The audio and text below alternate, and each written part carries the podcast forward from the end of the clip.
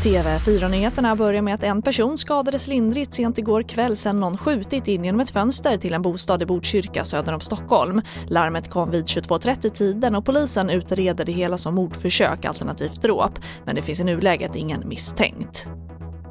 Och fyra personer sitter anhållna i Göteborg misstänkta för grovt vapenbrott och olaga frihetsberövande och väntas häktas i veckan efter polisens särskilda gänginsats där, det rapporterar SR. Totalt har 26 personer gripits i insatsen som drogs igång efter rapporter om att gäng satt upp vägspärrar i stadsdelen Angered.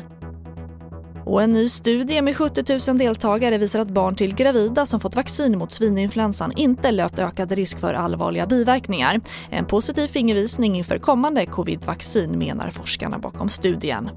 Jag tror att det här är en viktig pusselbit inför att man så småningom kommer fram med ett covid-19-vaccin där även gravida kommer bli aktuella för vaccination.